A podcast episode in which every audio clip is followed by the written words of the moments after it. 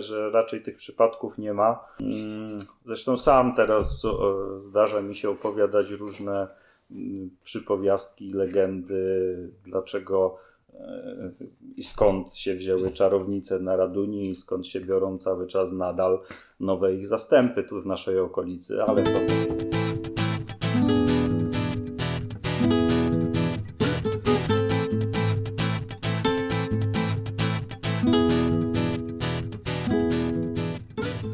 Witam Was serdecznie w kolejnym nagraniu pod tytułem Yerba Meet. Tym razem moim gościem będzie Maciej Ulatowski, którego znam już od dłuższego czasu i dlatego też właśnie oczywiście nieprzypadkowo spotykamy się tutaj, bo chciałem z Maciejem porozmawiać o tym, co wydarzyło się u niego w ostatnim czasie, a z tego jak obserwuję, dzieje się dość sporo, bo cały czas Maciej jest aktywny i rozwija się w swoich pasjach i odkrywa całkiem nowe kierunki. I chciałbym dzisiaj porozmawiać i zapytać go o to, jak godzi obowiązki rodzinne, pracę ze swoimi pa pasjami oraz pomysłami. Witam Cię, Macieju. Cześć, witajcie, witam Cię, Alek. E, bardzo się cieszę i dziękuję za zaproszenie. Czuję się no, tym zaszczycony wręcz E, mówiąc otwarcie. E, pytanie z pozoru łatwe, e, ale odpowiedzi są trudne. Jak to zawsze bywa, ale może zacznijmy od takiego, myślę, pierwszego, podstawowego pytania, które zadaję wszystkim gościom.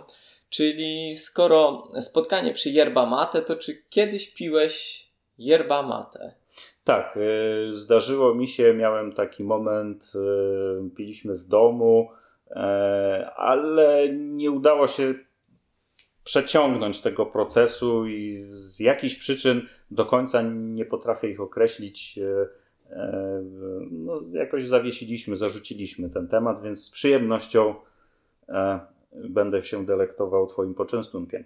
No, mam nadzieję, że przypadnie Ci do gustu i te e, dobre praktyki yerbowania powrócą do rytuału rodzinnego, bym tutaj określił. Tykwy są, bombile są, więc e, nie pozostaje nic innego jak po prostu spożywanie. No tak, sprzęt został, więc dobrze, że został. To też jest pewien znak pewnie. E, kto wie, może wrócimy, bo wrażenie mam bardzo e, pozytywne i, sympatyczne z pierwszych łyków, więc kto wie, kto wie. Dziękuję za no inspirację. Czy A powrót. zobaczymy, jak Twoja energia będzie rosnąć w, w trakcie nagrania. No, właśnie, e, czasami mam problem z rozgadywaniem się, mm, więc najwyżej będziesz mnie skutecznie tonował w zapędach.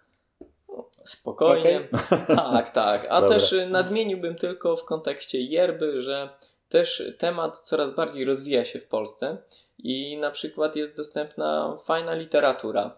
Jest Yerba Mate w tydzień, taka książka, w której jest właśnie opisane krok po kroku, jak podejść do yerby w kontekście czy to naczyń, czy elementów, z których się pije, czy sposobów zaparzania, przygotowywania yerby, czy też samego podziału na suszę, to co przed rozmową, o czym rozmawialiśmy w kontekście krajów, w których się uprawia, jak się przygotowuje yerbę i tak dalej.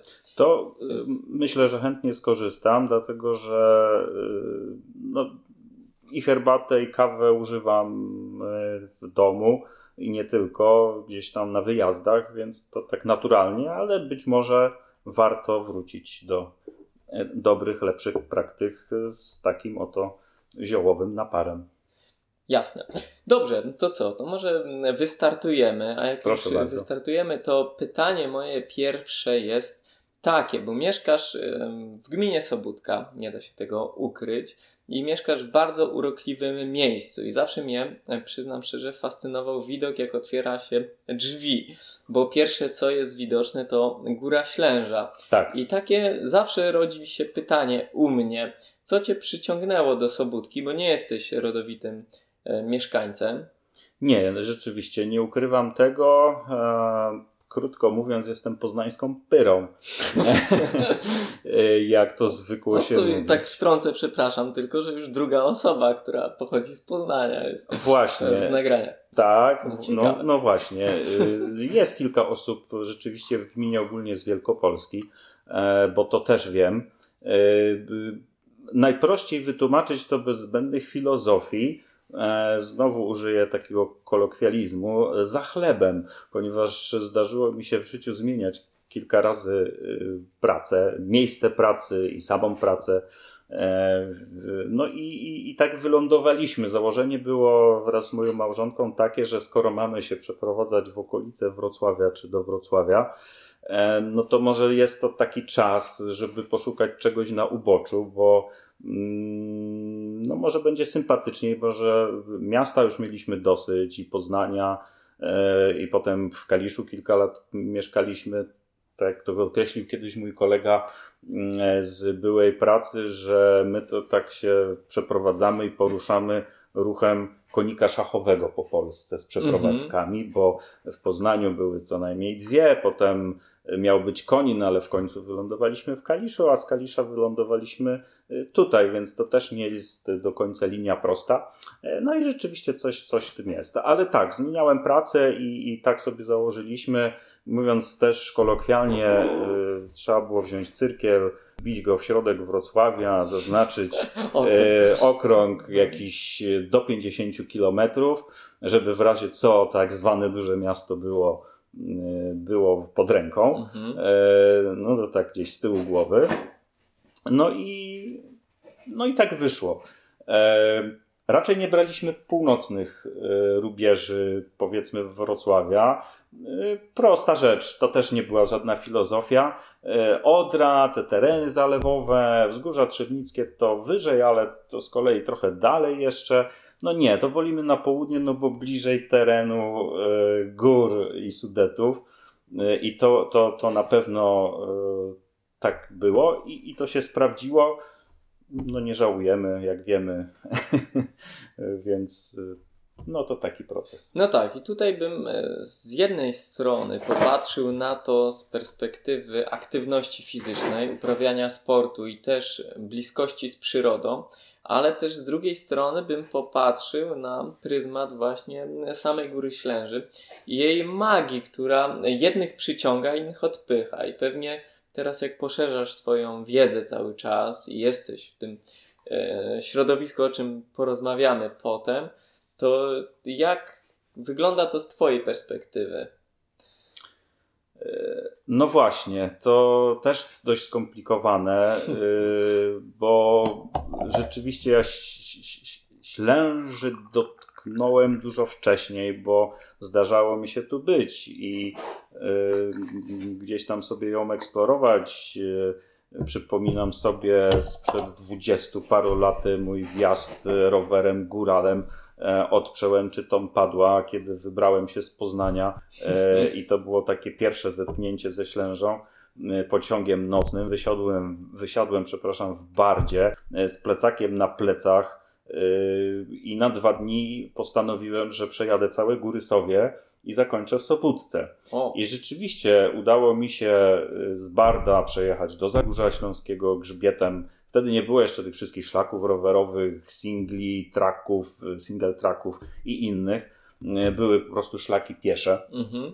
I głównym e, sobie takim szlakiem przez góry sobie jechałem, zanocowałem za górzu e, i na drugi dzień pojechałem dalej, kończąc sobie, przejechałem przez wzgórza kiełczyńskie, należące do Ślężańskiego Parku, jak wiemy, jako enklawa. Yy, no i z tych złóż kiełczyńskich przez tą padłę wskoczyłem sobie na ślęże i staram sobie yy, przypominać ten wjazd z tym plecakiem, bo, bo nie był on jakiś strasznie duży, ale mimo wszystko to nie, nie był sprzęt yy, i rowerowy, i, i turystyczny na miarę dzisiejszych czasów i możliwości.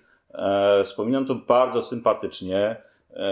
To gdzieś było okolice chyba no, 98-9 roku. E, więc mogę też powiedzieć, że wracając już, zjeżdżając ze Ślęży szlakiem czerwonym, tak, tym kamienistym, rzeczywiście udało mi się to zjechać wtedy na bardzo podstawowym sprzęcie. Zjechałem do Sobótki, wsiadłem w pociąg, właśnie a propos linii kolejowej, jeszcze który jeszcze wtedy jeździł, okay. bo, bo on z tego co pamiętam w 2000 roku to był ostatni kurs sprzed 21 Okej. laty. Wsiadłem do pociągu, dojechałem do Wrocławia, z do Wrocławia pociągiem do Poznania i taka, tak się zakończyła sobotnie niedzielna wycieczka. Bardzo miło ją wspominam. W ogóle wtedy nie wyobrażałem sobie, że ja akurat tu w tym rejonie kiedykolwiek zamieszkam. Mhm. Yy, No i takich historii było kilka, a później przyjeżdżałem, gdzieś sobie po tej Ślęży chodziłem, kręciłem się wokół, znowu nie przypuszczając absolutnie, że się tu pojawię. Yy, Aż wreszcie e, nadszedł taki, taki moment kolejnej zmiany, yy, powiedzmy, zawodowej, która spowodowała, że no, zaczęliśmy rzeczywiście czegoś szukać wokół Wrocławia rodzinnie. No i wracając do tego cyrkla, No tak, tak. tak właśnie wyszło. Ale pytasz o górę samą Ślężę.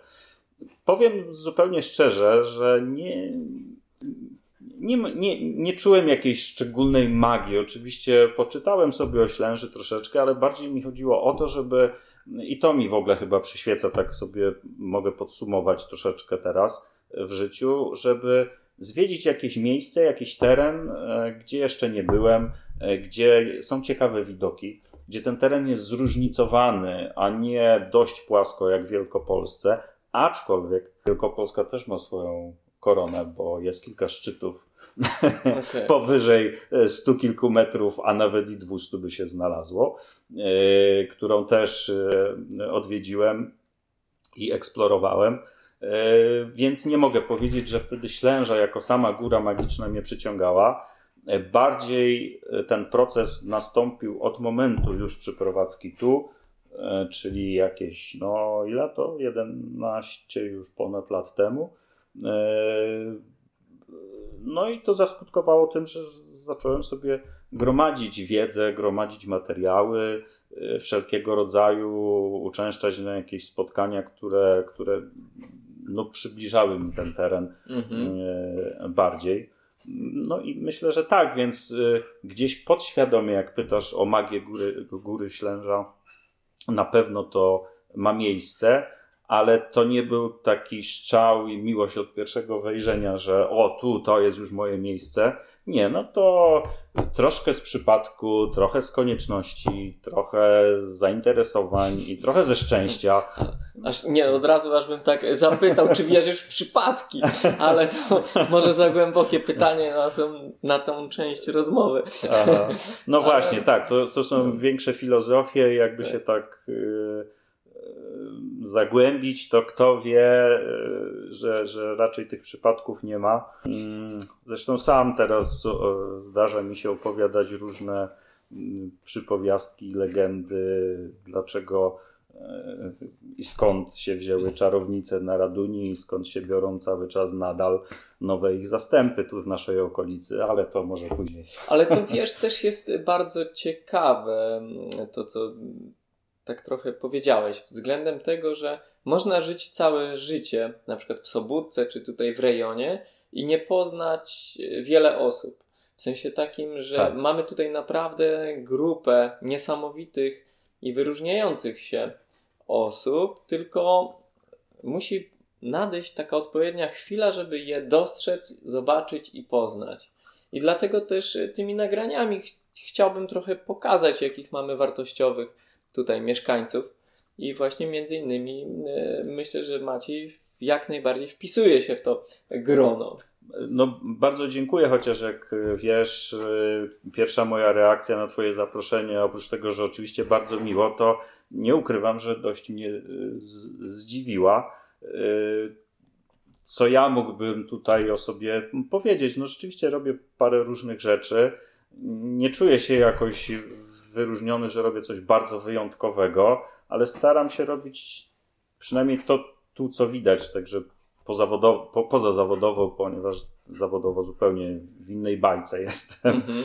Ale to, co tutaj robię, no to gdzieś rzeczywiście e, staram się być e, czasami bardziej transparentnie, czasami trochę mniej, bo to też się zmienia przez lata.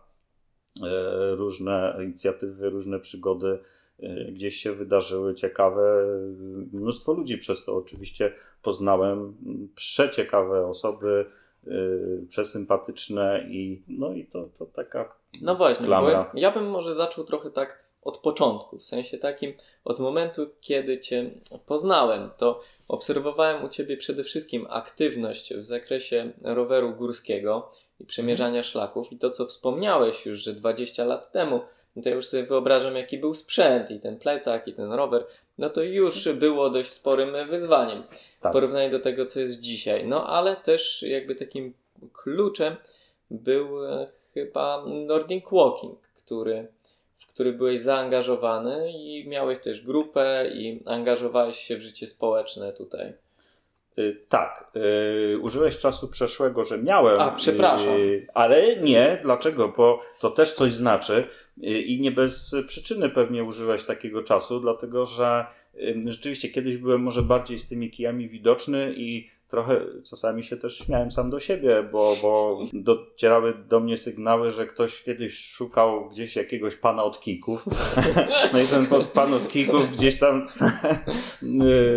y, funkcjonował. Y, Ja, ja cały czas y, z Nordikiem oczywiście mam do czynienia, bo to nie wiem, czy to będzie dobre porównanie, ale to wciąga jak yerba mate. Y, To jest taka dyscyplina dla mnie osobiście, nie uprawiając tu absolutnie żadnej wielkiej filozofii, w którą jak wdepnąłem, to ona mi towarzyszy. Mhm. Ale to też nie jest tak, że ja zaciekle codziennie o tych kijach. Nie, wręcz y, y, może przeciwnie, czasami rzadziej, ale ja wiem, że te kije są i ja do nich wrócę, bo jak chcę sobie rozluźnić troszkę postawę po rowerze, to je użyję. Yy, używam je czasami na wyjazdach, żeby mieć pod ręką jakąś aktywność. A że mam taką chyba cechę, że lubię używać różnych sprzętów. Znaczy, yy, umieć technikę albo pracować nad techniką z, użyciu jaki, z, użyciem jakiegoś sprzętu, Mhm. E, od sprzętu rowerowego przez Nordic Walking. Rower towarzyszył mi dużo wcześniej oczywiście w życiu z przerwami. Kije doszły później. To, to miało miejsce dokładnie jak mieszkaliśmy w Kaliszu i, i, i to były jeszcze te czasy, kiedy Nordic to były takie pierwsze lata pojawiania się w Polsce, najczęściej na plaży nad morzem, ale zaczęło się to Okej. w miastach na chodnikach, y, z tym stukaniem, szuraniem i w ogóle nie wiadomo było o co chodzi. I sam dokonałem czegoś, czego teraz nikomu nie polecam. Mianowicie kupiłem sobie jakieś kije w internecie i zacząłem chodzić po Kaliszu, wzbudzając niemałą sensację, y, ponieważ y, autentyczna jest to przygoda z jakiegoś wieczoru. Było ciemno, bo z reguły to gdzieś tam wieczorami sobie chodziłem po, po okolicy mojego miejsca zamieszkania i, jak, szła jakaś młoda ekipa i, i, i trochę gdzie, gdzie masz narty, to standardowe pytanie, wobec śniegu przecież to nie pora. B- Drugie pytanie zostało zupełnie poważniejsze, czy się przygotowuje do wyjazdu w Himalaje, nie wiem czy tam E- Everest nie, nie padł nawet w Okej. tym zapytaniu. E, Idąc po chodniku w Kaliszu z kijami, dzisiaj bym absolutnie odradził kupowanie po pierwsze takich kijów, jakie ja kupiłem sobie wtedy e, i maszerowanie po chodniku też niekoniecznie, ale to już dłuższa, dłuższe zagadnienie, gdzie warto, jak warto, z czym warto. A dopiero później pisałem się na specjalny kurs, zresztą do kolegi, który został moim kolegą e, później, pozdrawiam go zresztą, bo wie o kim mowa, e, twój imiennik z Wrocławia, E, bardzo sympatyczny człowiek i on u, u, u, wtedy zaczął prowadzić, już dwa, trzy sezony chyba miał za sobą prowadzenie kursów. Mhm. I ten kurs dopiero pokazał mi, z czym się tak naprawdę ten prawidłowy Nordic je. Mhm. Jak należy chodzić, żeby korzystać z niego w 100%. E, Znowu nie uprawiając wielkiej filozofii, ale jednak postawa, odpowiednie ruchy, odpowiednie dobrane kije pod względem wysokości, ale też jakości wykonania y, i technologii wykonania, bo pomaszerować można i z kijem z lasu. Zresztą robiliśmy takie ćwiczenia, No, y, Mhm. jak prawidłową technikę nordikową zastosować mając kij z lasu. No można, wszystko można. Mhm. E, No może nie w 100%, tylko 90%, bo, bo otwarcie dłoni, bo wymach, bo zamknięcie, bo to cała filozofia, ale teraz nie będziemy przechodzić kursu Nordic. Okej. Niemniej jednak rzeczywiście pojawiłem się tu i, i y, tak jak pytałeś mnie o początki, y, to początek był taki, że jak dobrze przypominam sobie, pierwszy rok e, naszej rodzinnej tu bytności, urządzania się, e, to, to nie, nic nie robiłem. To znaczy, bardziej urządzaliśmy się tu, czy no w pracy, y, żeby zobaczyć co, gdzie, jak, prowadzając się po raz kolejny do, do innego miasta, w inne środowisko. I, I dopiero później, po takim pierwszym okrzepnięciu, zacząłem proponować zajęcia, dlatego że żal mi trochę było, ponieważ zostawiłem w Kaliszu grupę. Mhm. No tam no do 10 osób, która była na tyle stałą i zaangażowaną grupą, y, że te spotkania mieliśmy cykliczne i dwa razy w tygodniu i próbowałem to zaszczepić tutaj na gruncie, co w konsekwencji się udało, także jeżeli będą osoby z y, grupy tej naszej nordikowej sprzed paru ładnych lat, to oczywiście serdecznie pozdrawiam i myślę o Was i pamiętam. Y, później no, sprawa się troszeczkę rozmyła i już ta grupa przestała funkcjonować jako stała E, z różnych, z różnych względów, no, innego mojego zaangażowania i, i tak dalej e, w różne inne mm, obszary i też rodzinne w związku z tym e, ten, ale Nordic towarzyszy, więc ten czas przeszły, to wracamy do tego, że okej, okay, była grupa, powiedzmy grupy stałej nie ma, ale pojawiają się takie no nazwę to wprost zlecenia, mhm. żeby poprowadzić jakiś cykl zajęć, no, bo one się też biorą z takich wniosków grantowych i w Sulistrowicach e, cały cykl w tym roku e, przeprowadziłem. Mhm. E, grupa bardzo silna, 20 parę osób, po 25 na tych każdych zajęciach, było bodajże 7 czy 8. Ja zawsze zaczynam od szkolenia, żeby wprowadzić w tajniki techniki, żeby później nie powielać błędów, a później no, już chodzimy sobie rekreacyjnie i i ten. Ale są to zajęcia sezonowe. Mimo, że ja akurat jestem takim typem, że mi, mi pogoda nie przeszkadza. To jest mhm. kwestia tylko ubioru, dopasowania no tak. się. Wręcz nawet, i to mówię zupełnie szczerze, ja się nie zmuszam, że jak pada, leje, wieje, czy cokolwiek tam się nie dzieje na dworze, to mnie czasami aż nawet ciągnie. To jest taki, nie wiem czy to jest nazwane mm, jakoś formalnie, ale jeżeli jest złe warunki, to mnie czasami właśnie w te złe warunki ciągnie, bo sami dostać deszczem, czy śniegiem, czy trochę mrozem mm, to też mi sprawia jakąś przyjemność. Może to takie mm masochistyczne jakieś jest, nie wiem, ale y, oczywiście absolutnie wolę piękną pogodę, jak jest y, sucho i y, to jest przyjemniej, ale odnajduję w gorszych warunkach też pewne pozytywy. No tak, jest tym przede wszystkim wyzwanie. Ale tutaj wrzuciłbym taką anegdotkę do tego, co powiedziałeś, bo tak mi się skojarzyło trochę tak jak gdzie idziesz z tymi kijami? Czy jak mówiłeś, że gdzie masz narty, tak? Gdzie masz narty, bo że bez śniegu, tak, tak, tak, tak. To tak samo jak e, biegałem w sandałach na początku, to było gdzie masz buty. Aha, no to Tak, więc można było to. trochę porównać, a tak jak mówiłeś o technice i e, w sprzęcie do Nordic Walking, to mi się trochę przypomniał temat osoby, którą poznałem, która też taką ciekawą rzecz jak slow jogging uprawia. I właśnie, że każda rzecz może wnosić coś wartościowego i wprowadzać jakieś doświadczenie. I to jest właśnie niesamowite. Tak jak Nordic Walking daje możliwość uprawiania i aktywnego spędzania czasu i działania na swoje zdrowie, tak samo taki slow jogging. Czyli bieganie jeszcze wolniej w pewnym sensie niż jogging. I to e, zaraził tą niesamowitą rzeczą właśnie Slow Hero, taki znajomy, który pojawił się na obozie u nas pięciu przemian. Aha. Gościu, który prawie dwa metry, kawał chłopa i tak pięknie, technicznie i mięciutko biegał, że to jest niesamowite. Naprawdę no, z przyjemnością się patrzy. I tak samo tutaj u Ciebie, że ta technika jest kluczem. Tak, technika jest kluczem, dlatego że y, nie lubię takich rzeczy instruktażowych yy, przeprowadzać po łebkach, ale podstawą tak naprawdę jest e, to, żebym ja sam czuł się z tym dobrze. Czyli jeżeli ja wiem, że, e, że opanowałem technikę i ja wtedy z czystym sumieniem mogę ją mhm. przekazywać -hmm. dalej i wtedy sprawia mi to największą przyjemność. Jak widzę efekty, jak widzę zadowolenie, jak widzę yy, i słyszę opinię, że a ja nie zdawałem, nie zdawałem sobie sprawy, że tyle trzeba umieć, żeby chodzić nordikowo. prawidłowo oczywiście, No bo kije można wziąć i sobie pójść. Nie ma problemu. Tak jak ja to kiedyś zrobiłem na podstawie internetu. Eee, No można, tylko że to jest tak ogromna przepaść i różnica, e, jak e, no nie wiem jak No myślę, w każdej dziedzinie, w każdym sporcie, w każdej e, pasji są jakieś właśnie niuanse, które trzeba szlifować i są to lata pracy i fajnie, wiadomo, że właśnie ten instruktor jest taką drogą na skróty, która daje możliwości wskazówki i dzięki temu też unika się kontuzji. Mhm.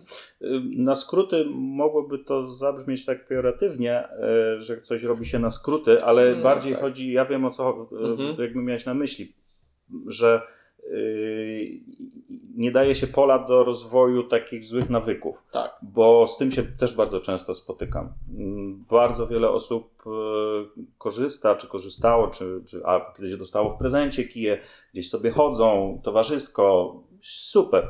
Każda aktywność jest e, na wagę złota, ale wtedy te nawyki, e, ja to widzę najlepiej, bo jak trudno je wyeliminować, wprowadzając e, elementy takie, które no gdzieś nawet mogą sprawiać trudność, bo ktoś jest już tak przyzwyczajony do swojego stylu i formy chodzenia, że, że jest jemu ciężko. Natomiast ja, to, ten, ten instruktaż jest dla mnie o tyle istotny, że yy, no tak jak powtórzę się, może nie po łebkach, tylko od podstaw, więc nawet jeżeli ktoś chodził e, czy chodzi e, aktywnie, to cofamy się jakby do samego początku i, i mimo, że te pierwsze tam powiedzmy pierwsza godzina może być nudna, bo dużo powtórzeń, dużo ćwiczeń, to to ma spowodować, że osiągamy pewną podstawę do tego, żeby rozwijać y, dalej. Y, I Nordic, y, no tak jak mówię, no on mi zawsze towarzyszy, jest jakąś taką pasją, z którą się dzielę bardzo chętnie. Jednocześnie y, okazuje się, że wcale on nie jest taki prosty. Mhm. Dlatego, że mm, żeby osiągnąć taki sposób chodzenia stuprocentowy, e, czyli z tym wymachem ramienia, z otwarciem pełnej dłoni, czyli wypuszczenia kija z tyłu, żeby to odepchnięcie było solidne, e, to to zajmuje najwięcej, najwięcej czasu. I, te, I to bardzo rzadko, naprawdę pojedyncze przypadki, ale to tak samo i było na, w procesie mojego samego kształcenia, e, że to bardzo rzadko osiąga się na kursie. Czyli jeżeli Aha. taki kurs podstawy, to no ja oceniam zawsze na 2,5-3 godziny, co może być, wydawać się długo, a może krótko. Ja byłem na kursie przez dwa dni i nie da, udało mi się wtedy osiągnąć takiej, no, perfekcja Mhm. za duże słowo, ale takiej techniki, z której bym był zadowolony. Albo na przykład lewa ręka, a jestem praworęczny, czyli lewa ręka mi gdzieś tam uciekała, ona się gdzieś tam zginęła, gdzie nie powinna, nie w tym miejscu, nie w tym momencie. To, to okazało się, i tu nawiążę tego wątku, o którym Ty wspomniałeś, że wszelkie rzeczy, których się uczymy nowe, po pierwsze, jeżeli chcemy i nam to sprawia przyjemność, Mhm. to wymagają czasu. I ja zastosowałem taką mm, zasadę, że y, dopóki ja nie wypracuję swojej techniki, którą będę z czystym sumieniem, bez potykania się i uszczerbku y, mógł zaprezentować, to dopiero jak ją wypracuję, wtedy będę zajmę się Mhm. instruowaniem. To polegało na tym, znowu wprost, mieszkając w Kaliszu, bo wtedy zacząłem, e, wróciłem do domu po tym kursie weekendowym. No i okazało się, że e, no, trzeba zainwestować. No więc moja inwestycja polegała na wychodzeniu już po tym kursie e, i zmieniłem teren. Z chodników przeniosłem się na pole. Akurat Okej. mieszkaliśmy w takim miejscu, gdzie miałem do wyboru pod domem te dwa, te dwie formy takie powiedzmy utwardzenia nawierzchni. Mhm.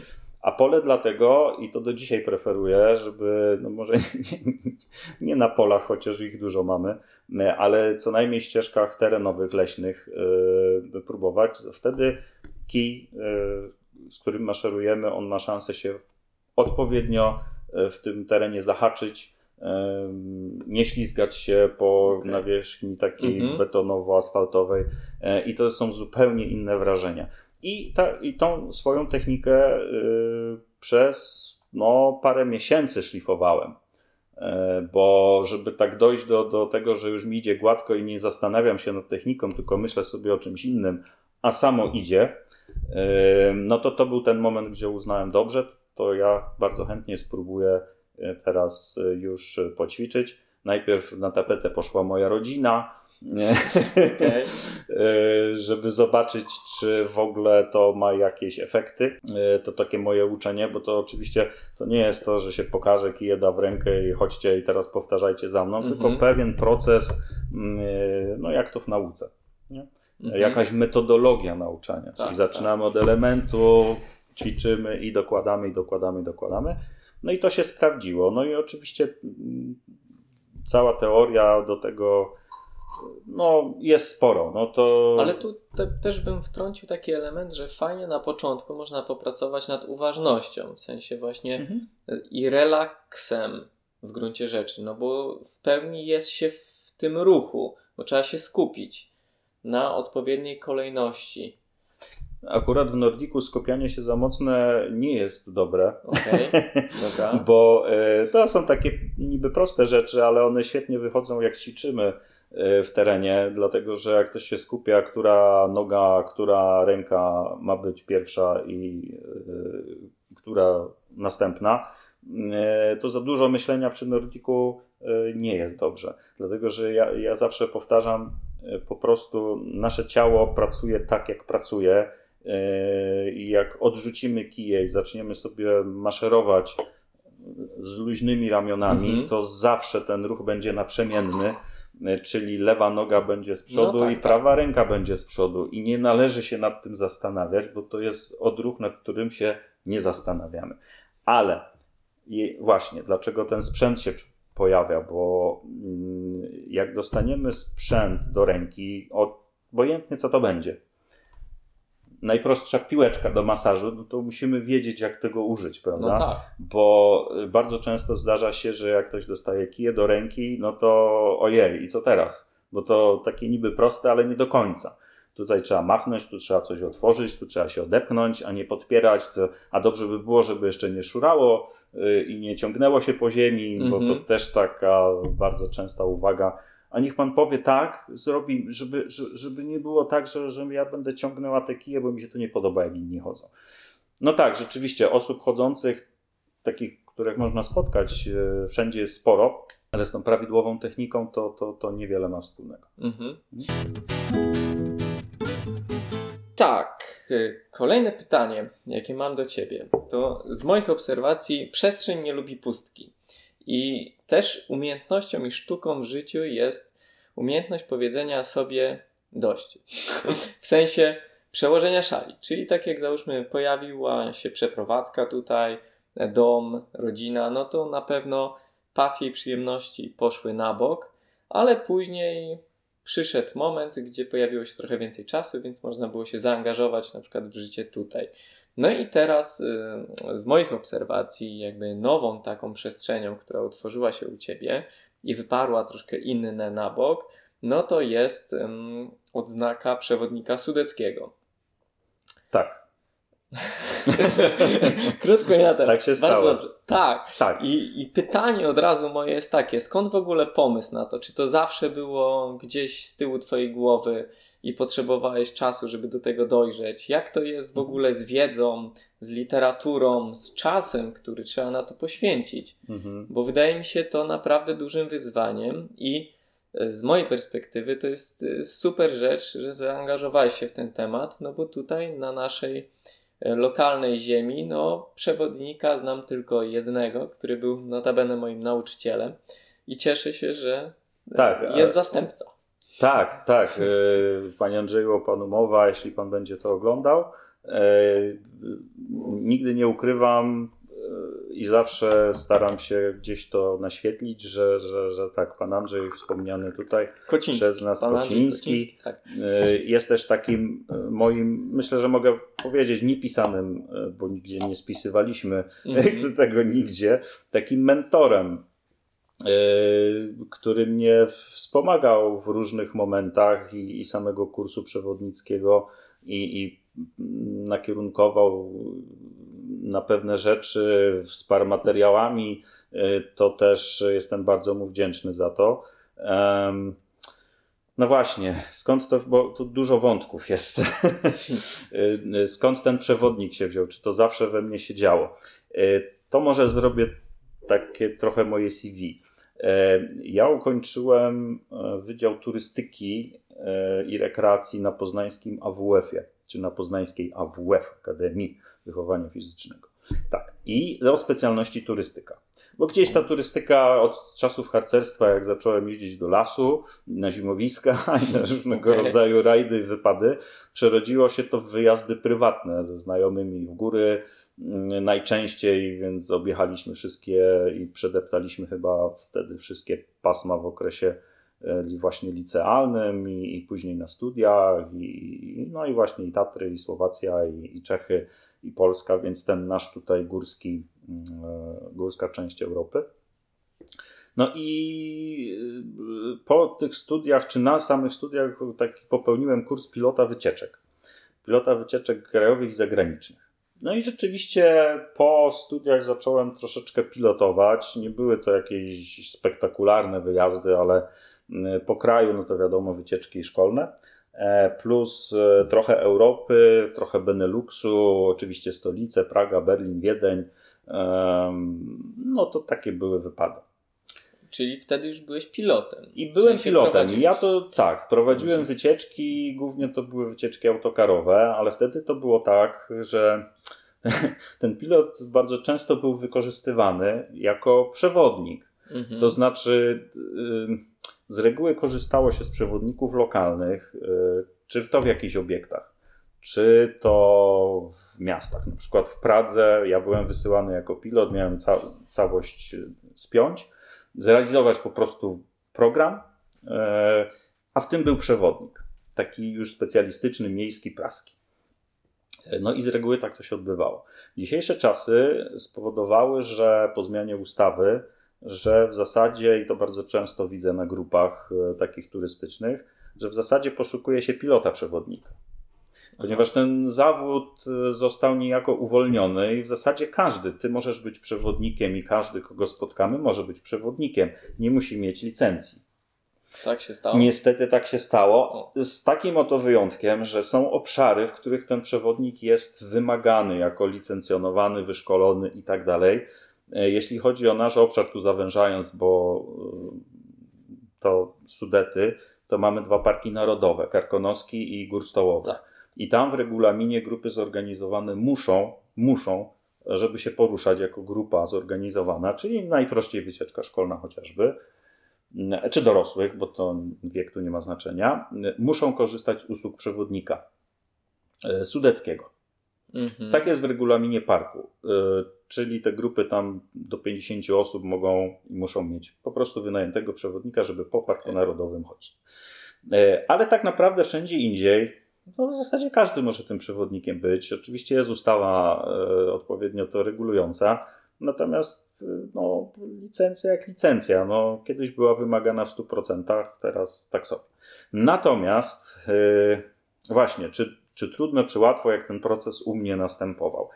Mm, dla mnie funkcja pilota to było taki człowiek, taki, jakby to powiedzieć, trochę concierge, się tak ładnie wyrażę, e, od spraw wszelkich przez 24 godziny na dobę. Czyli mhm. jak brałem grupę, mm, czy dostawałem grupę z biura podróży, wsiadałem z nimi do autokaru, od, od tej pory ja byłem odpowiedzialny za wszystko, za dokładnie wszystko. Mhm. E, bardzo odpowiedzialna praca wtedy, na tamten czas, robiłem to przez, nie wiem, dwa chyba lata, dość krótko, czy może trzy. Ale to polegało na tym, że rzeczywiście trzeba było być 24 godziny dostępnym. No bo, a nuż, na szczęście udało mi się przesypiać noce, no chyba, że były to noce przejazdowe. No to wtedy kiepsko się śpi w autokarze. Ale, ale realizacja programu leżała na mojej głowie. To ja musiałem dotrzeć, do konkretnych miejsc, w odpowiednich zaparkować itd., tak itd. Tak y, ale niemniej jednak zawsze miałem poczucie takie, że ten przewodnik to jest taki gość, czy gościuwa, że on to musi tak bardziej. On to Mhm. musi mieć wiedzę, on to musi y, po prostu no już być tak obczaskanym z tylu aspektów, od historii, przyrody, y, nie wiem czego tam jeszcze, ciekawostek, historyjek i w ogóle i w ogóle, że zawsze y, miałem takie poczucie, że, że przewodnik to jest coś bardziej y, takiego nobilitującego. Mhm. E, No bo wkracza się w szczegóły. Faktem jest, że to są dwa, dla mnie cały czas na dzisiaj, dwa różne zajęcia. Niektórzy mają, robią z tego swój zawód oczywiście też, chociaż te ostatnie czasy to, to kiepsko sprzyjają temu. E, No ale mimo wszystko, bo to jednak są dwie różne funkcje. E, Żeby być dobrym pilotem i przewodnikiem, no to rzeczywiście, żeby robić to bardzo rzetelnie, no to trzeba mieć głowę. E, A przede wszystkim doświadczenie i praktyka. Bo o ile pilot teoretycznie mógłby pojechać wszędzie, tak powiedzmy z buta, jeśli Mhm. się robiło w ogóle taką czynność jak pilotowanie wycieczki, o tyle przewodnik, żeby być przewodnikiem, w moim oczywiście rozumieniu i moim zdaniem, bo podejścia są bardzo różne, No. bywają bardzo płytkie albo bardzo głębokie, e, żeby się zaangażować, no to e, no rzeczywiście trzeba zdobyć wiedzę i do każdej wycieczki się tak przygotować, żeby mucha nie siadała. Powiem wprost, że ja praktycznie do każdego wyjścia na Ślęże się przygotowuję. Albo Mhm. sobie rzeczy przypominam, albo szperam, albo coś się pojawiło nowego, bo ostatnimi czasy jest wylew różnych ciekawostek O. zalew wręcz, e, bym powiedział, z mojego punktu widzenia. Mhm. Bo ja każdy najmniejszy szczegół jest dla mnie rzeczą, którą mm, mogę i chcę wykorzystać, dlatego że starając się robić e, taką usługę przewodnicką rzetelnie, e, chcę ludzi czymś zainteresować, a nie wyklepać e, parę dat i jakichś faktów, tylko pewne rzeczy powiązać, uzasadnić, co się z czego wzięło, dlaczego te kościoły stoją w tym miejscu, a nie w innym, dlaczego są e, tak usytuowane, i nie inaczej. Czy, czy po prostu kształtowanie terenu jest takie tutaj, a nie inne, i z czego to się wzięło, żeby w zależności od grupy wiekowej móc to e, rzetelnie przedstawić i zrobić dobrą swoją robotę. E, Proces, bo o to też gdzieś zahaczyłeś w pytaniu. E, Jak to się u mnie tworzyło? Czy ja chciałem być tym przewodnikiem? Powiem zupełnie znowu szczerze, bo to taka szczera rozmowa. tak. Że ja się parę lat zastanawiałem Mhm. z ręką na sercu, czy ja w ogóle takim przewodnikiem chciałbym być. No to jest kluczowe pytanie. Właśnie. No. Y, I od tego trzeba by pewnie zacząć wszelkie aktywności, czy sportowe, czy jakiekolwiek inne, intelektualne. Czy to, że można jakiś tam kurs zrobić i być tym przewodnikiem prędzej czy później, czy, czy ja w ogóle chcę to robić? Bo jeżeli mam się angażować w kurs, który trwa półtora roku, grubo, kiedyś i tak y, dłużej trwały te kursy, bo dwu- dwuletnie były. E, Egzamin jest trzydniowy. O, Tak. y, To czy. No i wiedza. Mm, I tu znowu jest zagłostka, bo obecne przepisy, y, czy zasady, regulaminy, zwał jak zwał, mm, na przykład wyłączają y, historię. Czyli zagadnienia z historii właściwie są wyłączone z programu kursu, jak i z egzaminu. mhm. E, To już nie będę w politykę tu wchodził, bo absolutnie nie Czyli lubię tego. co obejmuje? No właśnie, co obejmuje? No wszystko inne oprócz historii. tak bym to się skrócił. trochę kluczem. tak, mnie się to wydawało i to był dla mnie taki zawsze też znak zapytania, czy ja jestem w stanie y, tak y, y, taką wiedzą, czy, czy do, doszkoleniem się, y, czy będzie wystarczające do tego, żeby takim przewodnikiem być. No i co się okazało? Rzeczywiście kurs nie obejmował historii, y, bo takie są regulaminy, że tego się nie wymaga. Na szczęście organizator kursu zadbał o to, żeby te elementy historyczne były i w praktyce, i w teorii, niezależnie od programu, który mówi, że nie musi tego być i, i na egzaminie rzeczywiście tej historii nie ma. E, osobiście boleję, bo ja jestem z Wielkopolski i Dolnego Śląska się cały czas uczę i pewnie będę uczył się cały czas. No jest niesamowity. Jest to po prostu taki obszar, y, że, że no zazdroszczę wszystkim historykom, mają w tym względzie łatwiej. E, ale udaje się pewne rzeczy nadrobić. E, ja staram się skupić tutaj na naszym masywie i rzeczywiście naj, najczęściej prowadzę wycieczki tutaj, co nie znaczy, że się nie wybieram w Sudety te właściwe, bo tu jesteśmy u nas na Przedgórzu tak. Sudeckim, ale też wybieram się tu i tam, no i, i to, to każda wycieczka wymaga przygotowania, bo każda trasa jest inna. Oczywiście są oklepane śnieżki, są oklepane szlaki, są oklepane w ogóle atrakcje. No niemniej jednak do grupy wiekowej, do czasu, który taka grupa ma, to wszystko trzeba sobie przygotować, więc to nie mhm. jest coś, że jest się przewodnikiem, dostaje się tą z dumą noszoną, naprawdę z dumą blachę przewodnicką, do którego każdy kursant dąży, czyli to jest ten znaczek metalowy, przewodnik sudecki, numerowany, przypisany, wydany do nazwiska, po prostu i jest. Yy, I wtedy można rzeczywiście formalnie się tym yy, chwalić, ale to są też takie aspekty, które no, są bardzo formalne i mi się zdarzyło e, w tym zonie jesiennym mieć konieczność jakby udowodnienia, że jestem jednak tym przewodnikiem licencjonowanym. Czyli, że gdzieś robiłem kurs, że mam na to papiery, legitymacje -hmm. i tak dalej, i tak dalej.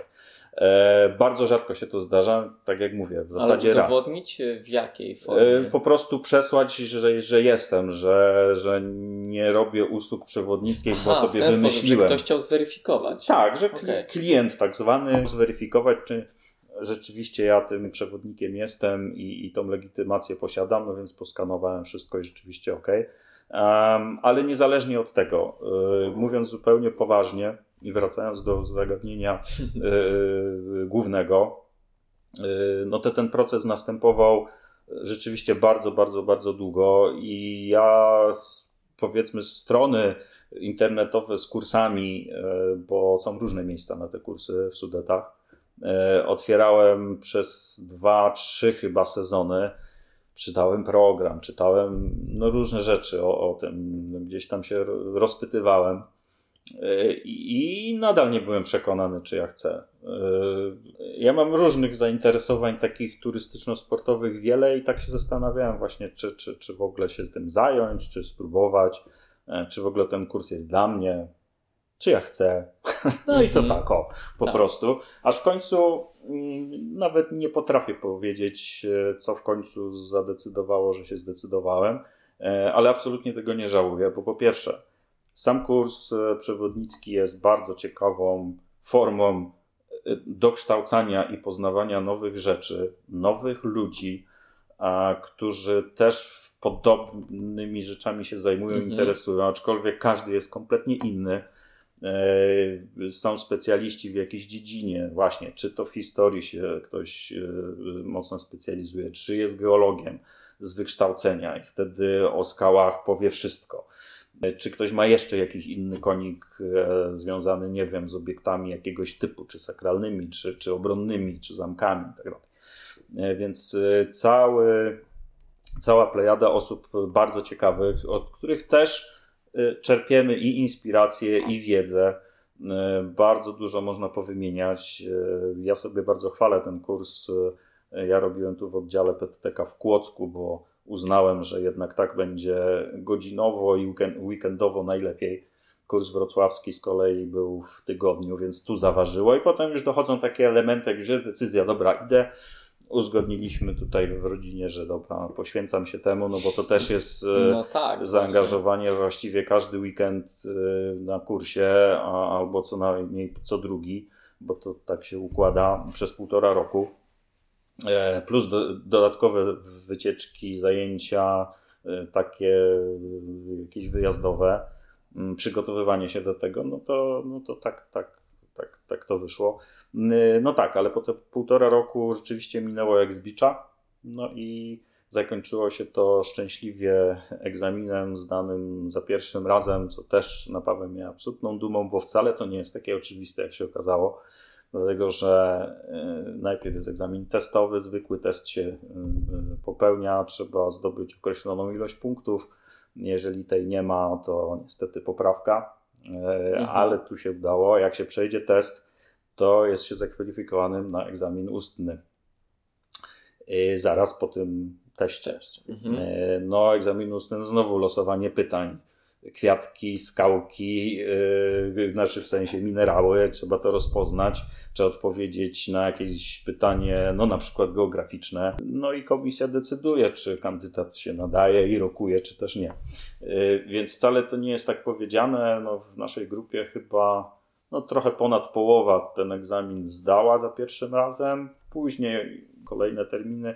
No tak, tak to było. No to wszystko zależy od tego, kto jakie ma możliwości się przygotować. No ale wiesz, no z Tak. mojej perspektywy to jest naprawdę ogrom wiedzy. W sensie, no nawet patrząc na nasze podwórko tutaj lokalne, to jest już sporo tego, a co dopiero całe Sudety. No bo tutaj też ten element, no, który został wyłączony, co prawda historyczny, jest bardzo szeroki i zawiły. Absolutnie tak. Yy, Natomiast yy, jak praktyka pokazuje, bo to też były moje obawy. Mhm. No, nawet jeśli masz grupę jednodniową czy kilkudniową, nie jesteś w stanie przekazać wszystkiego. trzeba wybierać pewne elementy i po to jest przewodnik, żeby y, rzeczywiście no, tym sterował. Jasna sprawa, w zależności od tego, kto jest odbiorcą. Są dzieci ze szkoły podstawowej, czy, czy starsza młodzież, może trochę, a może dorośli, a może seniorzy, to te elementy się gdzieś tam mieszają, mogą pojawiać się pytania i tak dalej, no to też trzeba być e, przygotowanym No tak.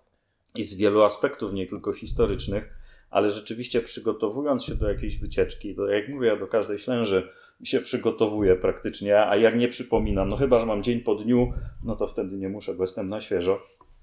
Ale pewne elementy uciekają i, i pojawiają się nowe, więc y, mnie ogromną satysfakcję i radość sprawia móc y, operować nowymi rzeczami, bo upatruję rolę przewodnika jako kogoś, kto pokazuje dane miejsce, obszar, y, ciekawostki i tak dalej. Kiedyś miałem w głowie, że trzeba być specjalistą od wszystkiego. Nie ma takich specjalistów, a więc ja bardzo chętnie czerpię wiedzę i tego też nie ukrywam tutaj w naszym lokalnym y, środowisku Mhm. sobótczańskim, że ja chętnie taką wiedzę y, czerpię, później móc ją przekazywać y, po prostu turystom, czyli jakby to formalnie ująć temu ruchowi turystycznemu, który tutaj który u nas się się, też pojawia. rozwija Tak. coraz bardziej. I teraz też y, to, co wspomniałeś, 20 lat temu jeździł pociąg, już wkrótce ma znowu ruszyć, więc y, myślę, że tych turystów pojawi się więcej. No, y, mnie z perspektywy mieszkańca trochę może też nadwyrost obawia no, zadeptanie ślęży. Bo osób jest szczególnie w weekend bardzo, bardzo dużo. No i teraz kwestia, która jest wprowadzana, żeby ten ruch rozproszyć na różne strony ślęży, Mhm. nie tylko przełęcz tą padła i żółty szlak na szczyt, tylko żeby faktycznie w poszczególnych miejscach um, osoby mogły się rozlokować. Tak, y, no jeśli mówimy o takim ruchu, to jest mój pogląd oczywiście y, na to wszystko, o takim ruchu turystycznym, mm, ogólnie rzecz ujmując, czyli przyjeżdżają ludzie i gdzieś tam sobie chodzą, no to ten tak zwany ruch wymaga pewnej infrastruktury, jak się to ładnie fachowo mówi, Mhm. od parkingów, y, nie, wróć, nie od parkingów. Bardzo przepraszam, wykorzystam nasze nagranie od toalety. Od toalety, Pra- tak, Gmina Dlatego, pracuje nad tym. tak, wiem, ja się bardzo cieszę i, i wiecie, y, po prostu tak to ujmę, jaki, y, no powiem wprost, wstyd jest, kiedy ja nie mam jak wskazać toalety oprócz Orlena. U nas w Sobótce, jak przyjeżdża e, grupa i najczęściej ja zaczynam od, od e, kościoła świętej Anny, bo mam taką trasę ułożoną, ułożoną która akurat pasuje, taką pętelkę, to jeśli nie, nie umknie mi to i nie zapomnę, zawsze mówię, że po drodze, jak będziecie mieli Orlen, czy to ten ostatni w Sobótce, czy gdzieś po drodze, to po prostu załatwcie swoje potrzeby toaletowe, bo nie mam was gdzie zaprowadzić. Oczywiście można zawsze z awaryjnie skorzystać z, czy poprosić w, którymś z naszych obiektów gastronomicznych, ale ja nie lubię tego robić, bo no bo jak? No, jak przyjeżdżają grupy i po 60 osób naraz prowadzą, No, tak. no to i jeszcze jest to młodzież Mhm. na przykład, młodsza czy starsza.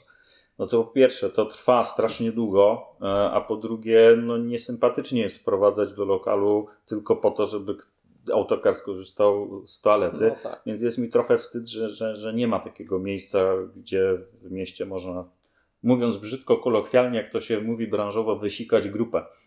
Wysikać grupę. No dobre określenie. No, no. Także to, to jest pierwsze. Drugie to parkingi. To też się wiem, że Madziaci lepiej się, lepiej się dzieje. E, no, daje się ten ruch, że tak powiem, jakoś w karb złapać, chociaż bywają momenty, jak wiemy, na Ślęży, gdzie wszystko jest zastawione i ledwo można przez tą padłę przejechać, bo obie strony drogi są zastawione, oba parkingi pełne. To tak. Natomiast podchodząc trochę filozoficznie e, do tego, trochę to koresponduje z Twoją wątpliwością, czy nie zadeptają ludzie Ślęży. To się już dzieje i to się dzieje pewnie od, od wielu, wielu lat. No tak. Natomiast y, ja bardziej jeszcze podchodzę do tego filozoficznie, ponieważ y, te szlaki na Ślęży, które są wyznaczone, te kolorowe, tak mhm. popularnie powiem, przez PTTK, czyli Polskie Towarzystwo Turystyczno-Krajoznawcze, to jest jedna rzecz, ale historycznie są tutaj ścieżki i, i, i, na pewno kilka osób je zna, bo tam nie jest aż tak trudno dotrzeć, ale to są te szlaki tak zwane, ja to nazywam w skrócie, może tak nie powinienem fachowo, ale po niemieckie. Tak? stare ścieżki, stare punkty widokowe, e, dziś zarośnięte, ale są tak malownicze i tam praktycznie ciężko jest kogoś spotkać. Zdarza się, bardzo rzadko. Moje pytanie, znowu wracając do filozofii, czy wpuszczać ludzi, czy nie wpuszczać? Bo po Z mojej strony nie, bo ja tam A, no właśnie, trenuję. No właśnie.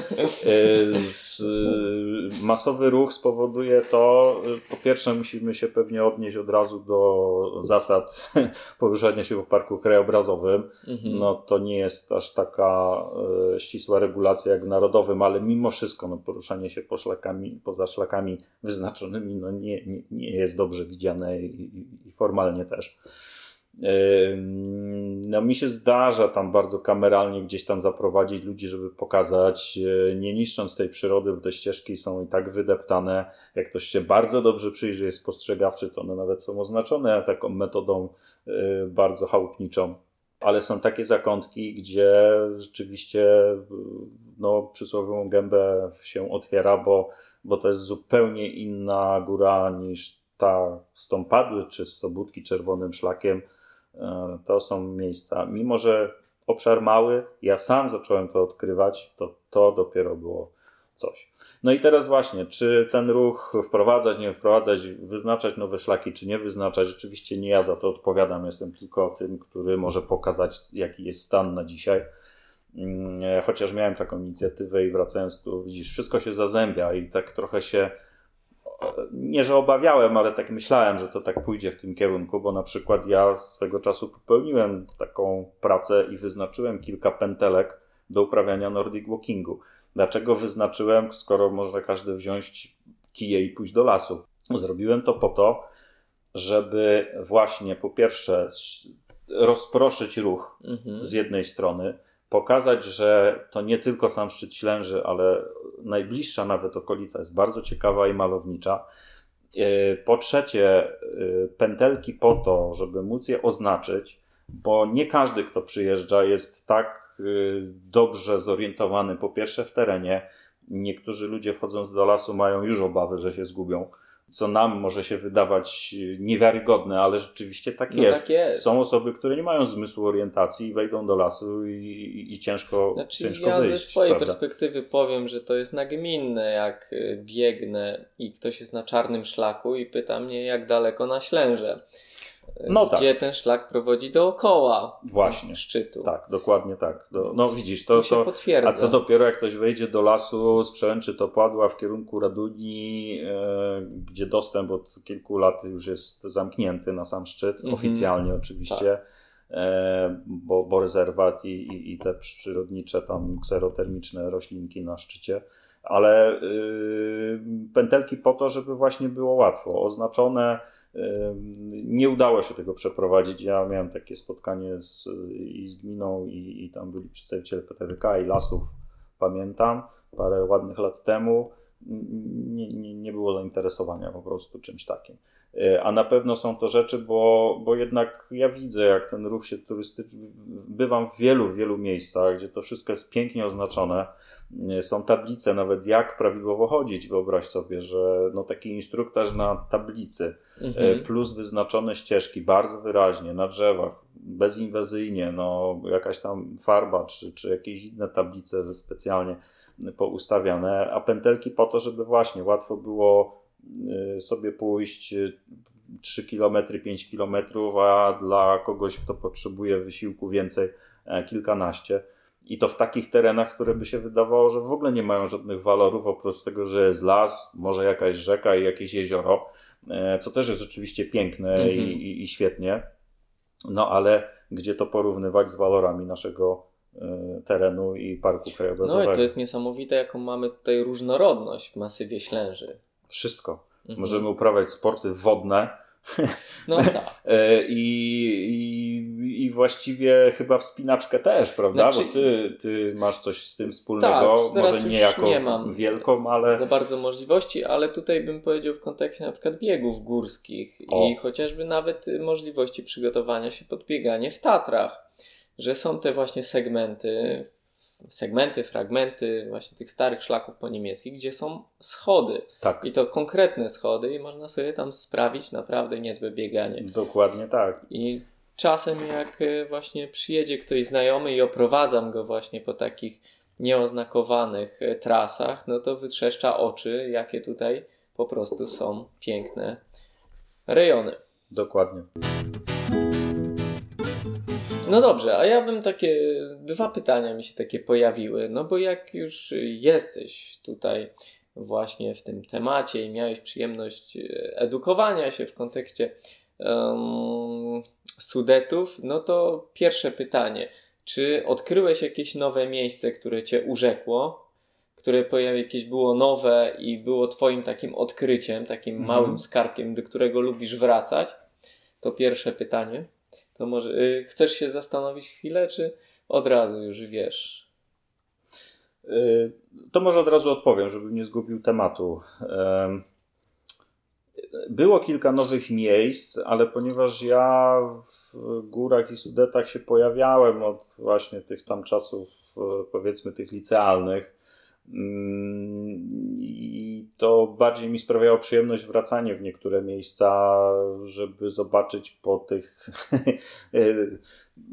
o dwudziestu paru latach e, z haczykiem, nawet więcej, e, jak to dzisiaj e, wygląda. Ale oczywiście są zakątki widokowe, potworzyły się nowe możliwości i tu tak troszeczkę ucieknę, mhm. chociaż może niekoniecznie, ale to, to nie jest akurat związane z kursem bo namiętnie od kilku sezonów, jak tylko trasy, te single track Glacenzis otworzyły swoje ścieżki, e, odwiedzam je regularnie.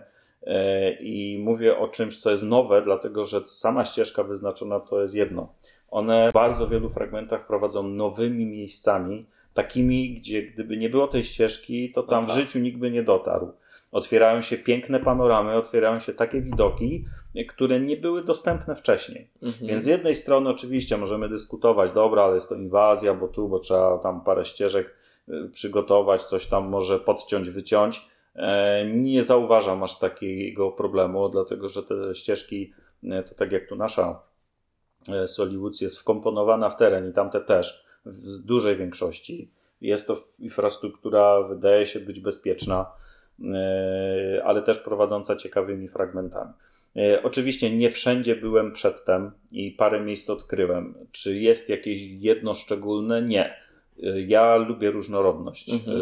więc nie wyznaczam sobie jednego miejsca. Oczywiście są takie powiedzmy mikro, że nie wiem, jest jakaś polanka, otwiera się piękny widok i w zależności od pory roku, dnia, to, to wszystko wygląda zupełnie inaczej, czy też nocą, bo, bo zdarza mi się po ciemku też e, z reguły wracać z jakichś objazdów, wyjazdów, czy innych pętelek, e, czy, czy wypadów pieszych nawet.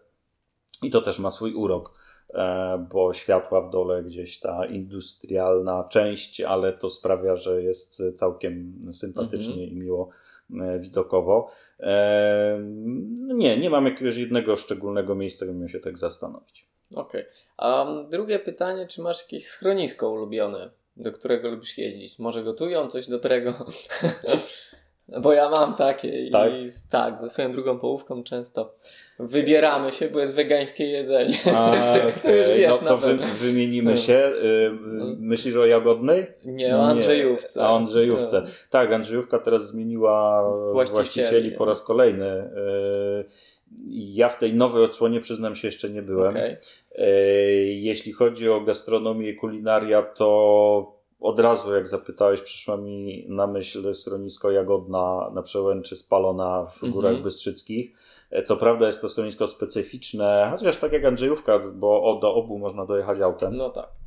E, Niemniej jednak ich kuchnia e, mnie urzekła, bo Jagodna to jagody.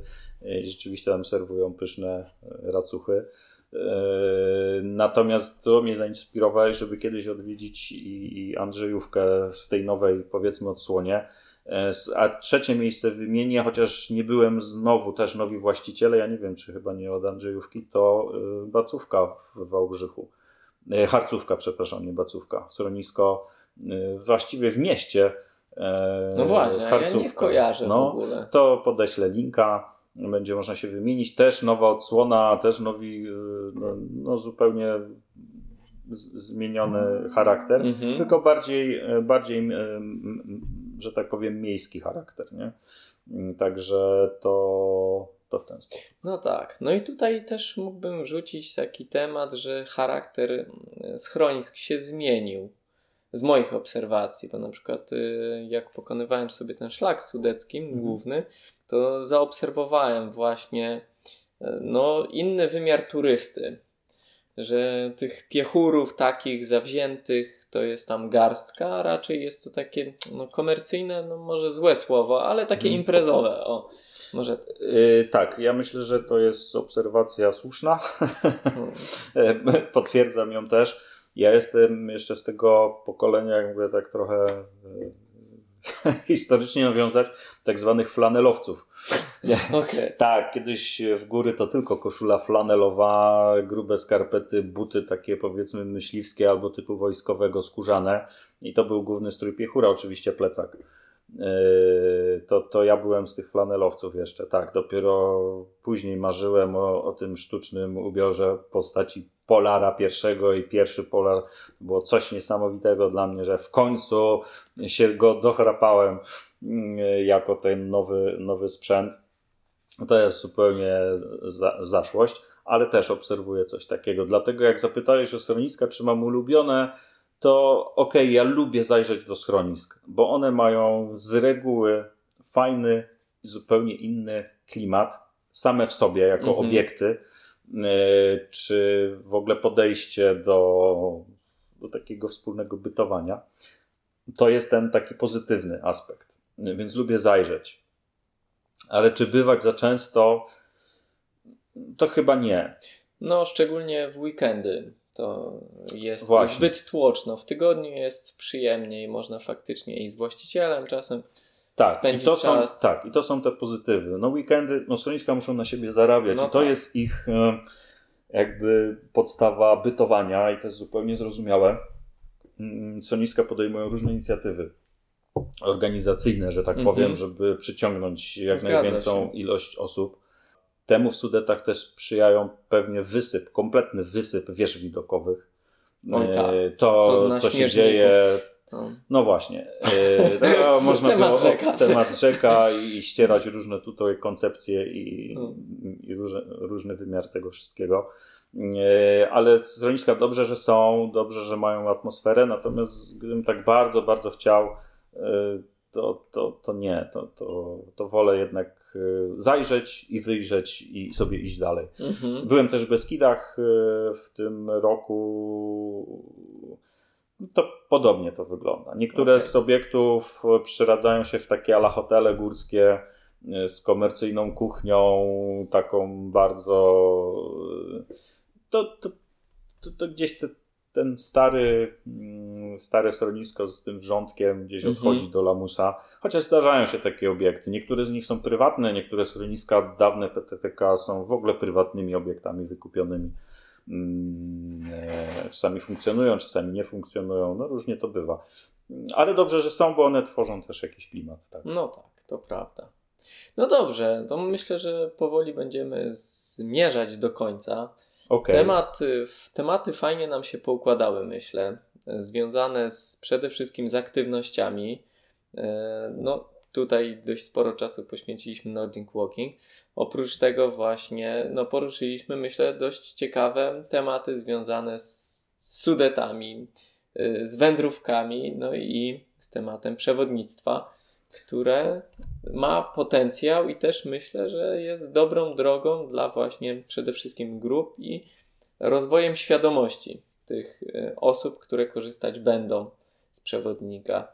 No i ze swojej strony życzę powodzenia i samych sukcesów i rozwoju w tej dziedzinie. Bardzo dziękuję. Nie wspomnieliśmy oczywiście o wszystkim, bo bardzo taką no tak. E, moją, moim konikiem i chyba jakbym miał z aktywności wymienić na pierwszym miejscu, to, to jest rower, a nie tyle rower, co rowery. Bardzo mnie to cieszy bo i rower szosowy, ale nie, jako zawodnik. Znaczy ja nie trenuję jeżdżę dla przyjemności po prostu. E, także będzie szosowy, będzie rower gravelowy, czyli takie pod kątem wypraw e, w, terenie, a, ale przemierzania dłuższych dystansów z jakimś takim sobie mm, wymyśliłem, e, trochę dostosowując się do, do takich trendów rynkowych, może niektórzy powiedzą, że moda, ale z drugiej strony gdzieś mnie to ciągnie, że po prostu jadąc sobie na, na jakiś wypad, to zabieram sobie sprzęt i nocuję w terenie i nie muszę się o to martwić, czyli ciągle ten kontakt z naturą. E, no i rower górski, czyli korzystam z trzech sprzętów, każdy służy do czego innego i ja się zastanawiałem, bo bardzo często słychać takie głosy, dobra, dobra, tam trzy rowery, też miałem trzy i skończyłem na jednym.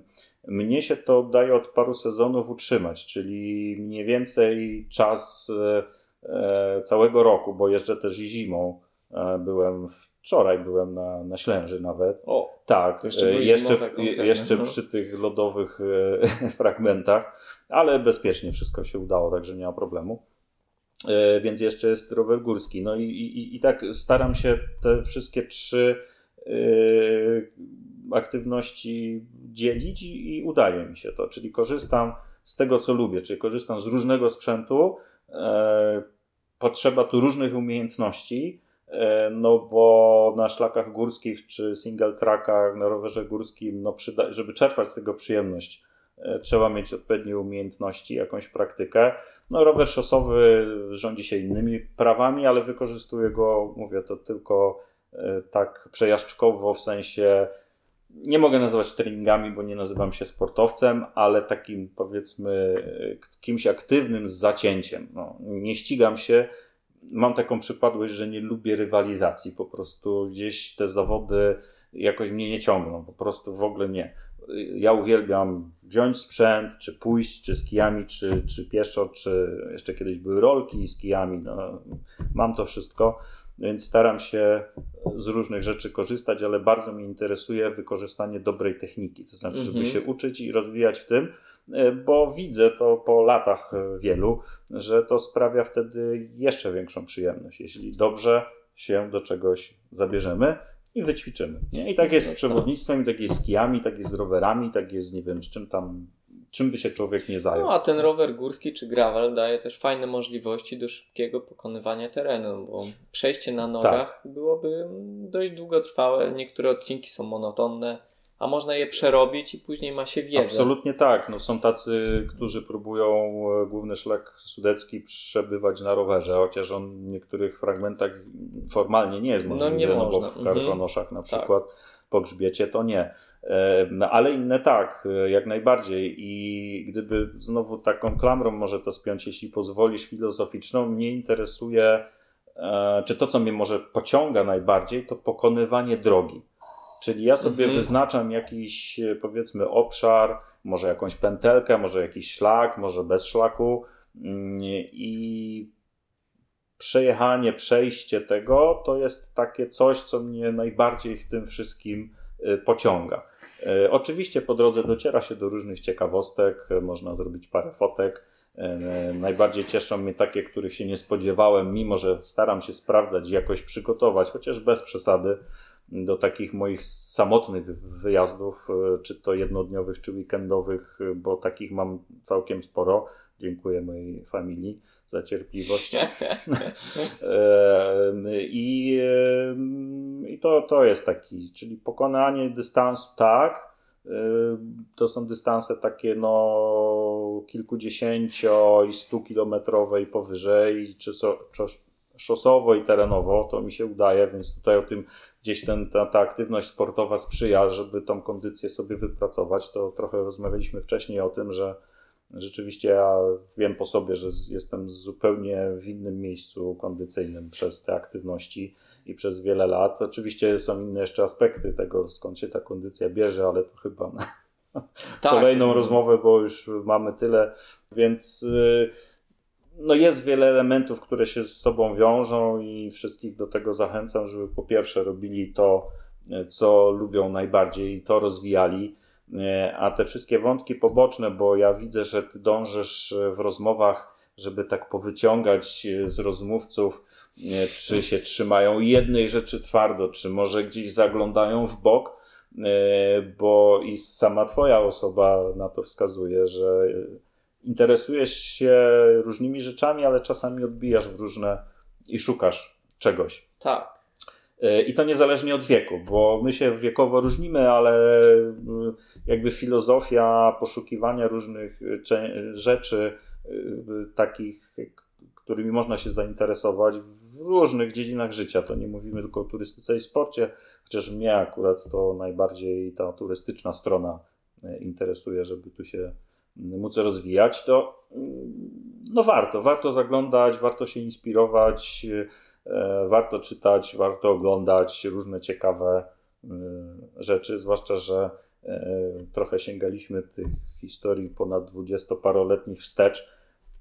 No nie było czegoś takiego jak internet. Mhm. Czerpało się wiedzę z map przewodników i to taki jeszcze jeden konik na koniec. Absolutnie jestem fanem map papierowych najczęściej z turystycznym oznakowaniem, ale z mapy można wyczytać tak dużo informacji i mnie zawsze mapa inspirowała.